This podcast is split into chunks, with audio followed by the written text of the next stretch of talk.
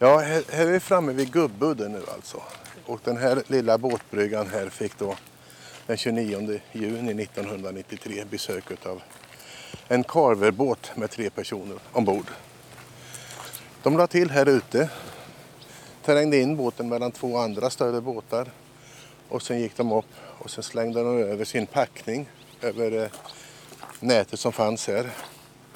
Och sen gick de upp till en liten bil och sen åkte de iväg härifrån. Två dagar senare konstaterar vi att det här är alltså postbilsrånarna som har dragit den här vägen. Och sen har de åkt härifrån upp över gården här uppe. Och eh, där står det en farbror och håller på i ett potatisland, eller ett blivande potatisland. Han hejar på de här tre, men de hejar inte tillbaka. Och då blir han lite förtörnad och försöker memorera in deras regnummer på bilen.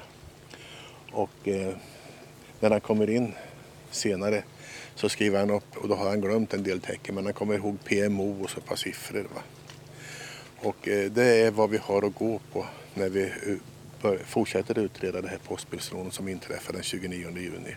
13.30 samma dag så utgick den här värdetransporten från eh, postkontoret det stora i centrala Eskilstuna. Ja, Posten 1 som det hette då på Rademachergatan. Han ska gå och åka till Riksbanken i Västerås. Va?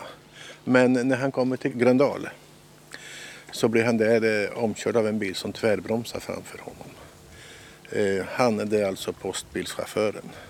Han tvingas att tvärbromsa för att inte köra på den här bilen och eh, stanna sin bil. Och eh, innan han hinner göra någonting så tittar en kille ut och då förstår han att eftersom killen är maskerad att det är ett rån på gång så han trycker på larmet. Och precis när han har tryckt på larmet så krossas höger sidoruta på bilen och insticks ett vapen. När man får en pistol mot sitt huvud så bryr man sig inte så mycket om pengarna. Utan då är det mest eh, att göra som de säger i stort sett. Stefan Larsson var 23 år gammal när postbilsrånet inträffade vid Gröndal utanför Eskilstuna. Och han blev beordrad att följa efter den här Forden som hade tvingat honom att stanna. Och samtidigt så hoppar den här killen som hotar honom in i bilen. Och sen åker de över väg 58 och så mot Hällbyfängelset till. Och så bara en liten bit från eh, väg 58 så svänger de in till höger i, eh, i skogen där. När vi inte kommer längre då så får jag då en eh, påse över huvudet och knyter till runt huvudet på mig. Och eh, får handklovar på händerna bakom ryggen.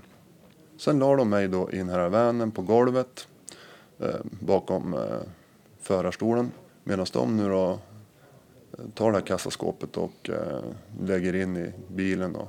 Och så får han följa med dem i deras fordon. Det visar sig vara en van som de släpp, slänger i Kvicksund, i Sundbyvik. De lastar i det här i båten. Då kommer upp en kille igen, städar upp efter sig. Sätter då sådana här buntband runt tummarna på mig och runt benen på mig. Och sen ytterligare då sätter man fast mig i bilen. Så jag var fastbunden nu i bilen där jag ligger. Eh, och sen så stänger han skjutdörren. Sen säger han så här till mig. Hej då, nu åker vi, säger han. Och sen stänger han skjutdörren och så åker han.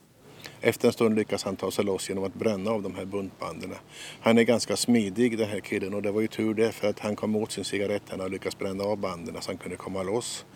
Och sen tog han sig därifrån och kunde larma polis. Men det har gått en stund nu och eh, de här rånarna som har stuckit med värdeskåpet eh, de är säkert här vid Gubbudden kanske inom någon timme. Och då har ju knappt eh, polisspaningarna hunnit komma igång. Va? Sen avviker de härifrån i en vit Golf. Vad har de för vapen och hur många är de? Har du sett några vapen och i sådana fall vad är det för vapen? Och hur många är de? Vart tog de vägen? Vet du något? Det var frågor som postens chaufför Stefan Larsson fick av polisen efter det stora värdetransportrånet den 29 juni 1993. De här tre eh, brottslingarna, de är tre. Mm. Vad händer med dem sen? Får ni fast dem? Ja, vi får fast dem. Vi har, eh, det visar sig att eh, Rikskrim har haft spaningar mot eh, delar i det här gänget. För att de, Rikskrim förstod att de höll på att planera ett rån någonstans.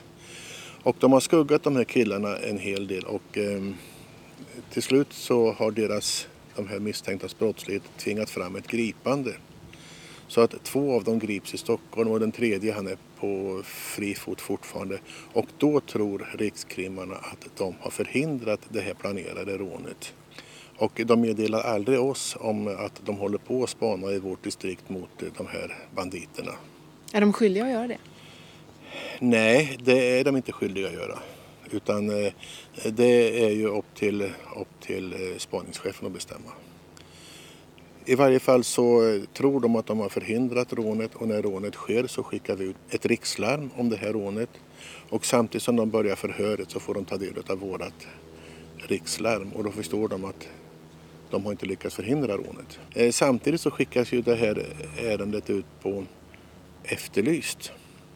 Och där fick vi väl kanske inte så mycket tips men dagen efter ringer en kille till mig och vill tipsa om rånet. Och eh, han vill vara anonym. Och jag säger att jag kan ju bara lova anonymitet om du aldrig talar om ditt namn för mig. Så att vi ger honom ett eh, alias. Han ska presentera sig som Gustav varje gång han ringer till mig och vill någonting. Och eh, för att klarlägga att han verkligen vet någonting om rånet så berättar Gustav att han kan berätta att rånbytet blev inte 7 miljoner som det stod i tidningen utan rånbytet blev nästan det dubbla. Och jag kontaktar posten och det visar sig att eh, Gustav har rätt. Rånbytet blev det dubbla och det visar att han vet vad han talar om. De dömdes till omkring sex år allihopa för grovt rån. Och det var det då största uppklarade värdetransportrånet i Sverige. Så det var en liten fjäder i hatten för Span i Eskilstuna. Kom någon gång frågan upp om du hade någonting med det här att göra? Ja. Eh, det här var tisdag, på onsdag sitter jag på polisstation. Eh, så de försöker ju då iscensätta en massa saker emot mig. Att eh, liksom få kvitto på att jag inte är där. De påstår att de har sett vittnen då, att jag har stannat efter vägen och att den här har gått lugnt och framt och jag har släppt in den i bilen och sådana saker. Och, påstår att de har sådana vittnen som har sett det här. De sitter med lampan i ansiktet nu på polisstationen. Och, sådana här saker. Och det var ju också liksom jobbigt. Som i mitt fall nu var ju inte jag inblandad i det här och jag hade ju liksom inget att dölja. Och, eh, så det märker de nog rätt så snart för att eh, eftersom samma fråga kommer upp sen efter sex timmar så kommer samma fråga upp igen fast den är ställd på ett annat sätt. Och får inte de det svaret de vill ha så trillar man ju dit. Va? Så för, efter det förhöret sen så tror jag att eh, de var rätt så glasklara med att jag inte var inblandad i det här. Man misstänkte aldrig chauffören? Tanken kan säkerligen ha föresvävat någon men, men eh, nej, han, han, var aldrig misstänkt. Där du och jag står idag vid Gubbudden här, vid, eh, liten båthamn, ligger ju ganska synlig från Hjulstabron. Eh, likaväl som polisen eh, undersöker platser lika noggrant undersöker brottslingarna platser där de kan jobba ostört? De här hade ju lagt ner väldigt mycket jobb på, på planering och de hade ju varit väldigt, väldigt duktiga. Men eh, idag är det väldigt svårt att begå brott utan att lämna olika typer av spår bakom sig. Det kan vara genetiska, det kan vara tekniska spår och elektroniska spår. Det finns eh, nästan hur mycket som helst. Det gäller bara att man har full fantasi.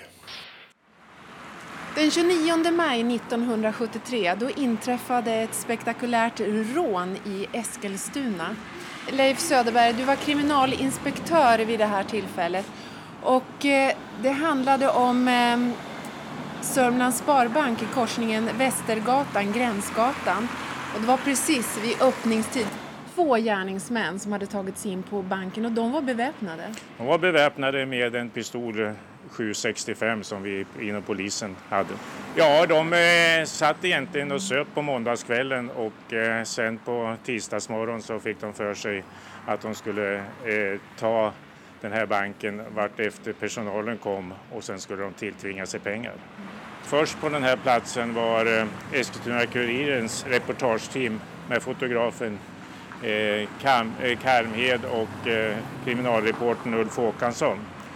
Och eh, de kom fram och fann eh, vaktmästaren liggande skottskadad och en städerska bunden. Pressfotografen Ingvar Karmhed var tillsammans med en reporter på väg ut till Sundbyholm. Man hade fått ett larm om en olycka med en lastbil. På vägen dit så ropade de på oss, eftersom vi hade radio i bilen, att det hade hänt ett, någon skottlossning på banken. Jag rusade in där då och så låg en man där på golvet ute i farstun i bakgången. Samtidigt så kom städerskan då hoppande förbi och var inlindad i sån här silvertejp. Och precis just då, då tar du en bild som publicerades dagen efter i Eskilstuna-Kuriren. Kan du beskriva den här bilden? Ja, det är då den här mannen ligger skottskadad, det ser man på hans kavaj. Och polisen står på huk och eh, frågar vad som har hänt.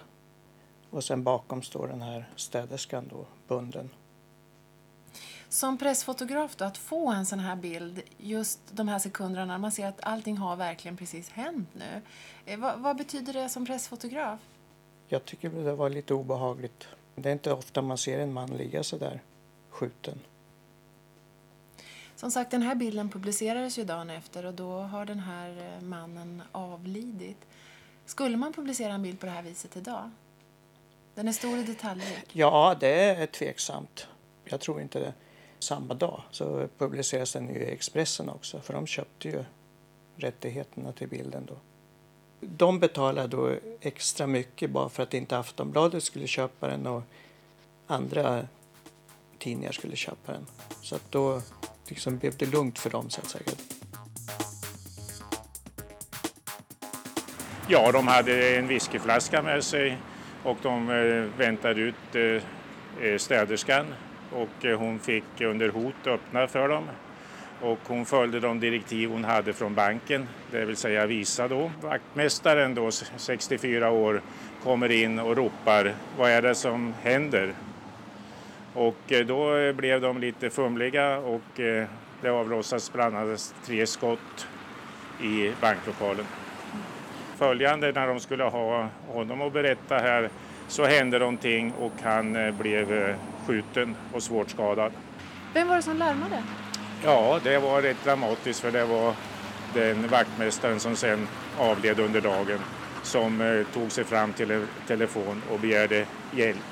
Hur agerade man från polisen? För nu handlar det faktiskt om en skottskadad man här på plats och ett rån. Ja, på den tiden så eh, tryckte man inte på en knapp och det var en spaningsorganisation som gick igång. Men eh, 73 så hade vi utredningsgrupp, det kallas våldsroten, och så hade vi en spaningssektion eh, och vi delades in i inre eh, med förhör och jag hamnade då på yttre span och skulle vi på fältet höra vittnen. För det fanns ett antal vittnen som hörde av sig. De här rånarna de fick inga pengar med sig. De sticker iväg från banken? De sticker iväg från banken hastigt och eh, iakttas då utav ett antal vittnen när de hoppar i en bil, jag tror det var på Vasbergsgatan, och försvinner. Vi fick i alla fall vittnen som eh, kunde ge en sifferkombination, inte alla nummer men delar av ett registreringsnummer och eh, färg och eventuellt lite oklart fabrikat. Den 18-åriga städerskan som kom först till banken denna tisdagsmorgon den 29 maj 1973 hade en stark gudstro. Och i dagspress dagen efter stod detta att läsa. Om ni vill döda mig, så skjut mig. Dödar ni mig så skall hela min kropp vittna om att Jesus lever. Men dör ni själva så skall domen över er komma senare. Och det säger hon på finska till de här. Men till saken hör att, att hela hennes eh, beskrivning av det inträffade, det stod att läsa i tidningen dagen efter. Skulle sånt hända idag? Definitivt inte. Hon skulle få yppande förbud om det skulle hända idag. Här kunde alltså vi Eskilstunabor läsa vad vittnet hade sagt eh, dagen efter ett mord hade inträffat på en bank. Och man kan väl säga så här, det här var inte första bankmordet i Sverige men jag tror det var andra eller tredje. Mm.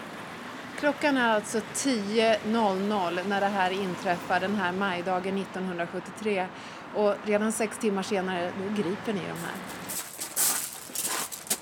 Ja, nu är vi på Sundbyvägen och 1973 vid 16-tiden så gick jag och fem kollegor upp här genom de här trapporna. Vi var fyra civila, en polis med en duktig polishund. Och vi hade då indikationer på att de här gärningsmännen befann sig i den här fastigheten. Och eh, vi hade också en specifik lägenhet som skulle genomsökas. Vi hade beslut på att husrannsakan personell efter två personer. Ingen människa fanns i lägenheten men polishunden visade plötsligt intresse för vindsutrymmet en trappa upp. Vi öppnade dörren och släppte upp hunden och där uppe blev det ett jädra oväsen. Hunden skällde och när vi kom upp så stod det två stycken med händerna i luften och eh, sa då på bruten svenska att vi ger oss. När eh, misstänkta fördes in i polisbilen på gården så kom det ett dramatiskt radiomeddelande att vaktmästaren hade avlidit. Ja, vid utredningen av det här bankbordet på Västergatan så vid förhör så erkände gärningsmannen att han eh, vid flykten ifrån banken vid Eskilstunaån hade kastat ett vapen och det var den som vi tidigare sagt 765. Och precis på den platsen eh, finns vi nu och eh, det väcker många minnen till liv.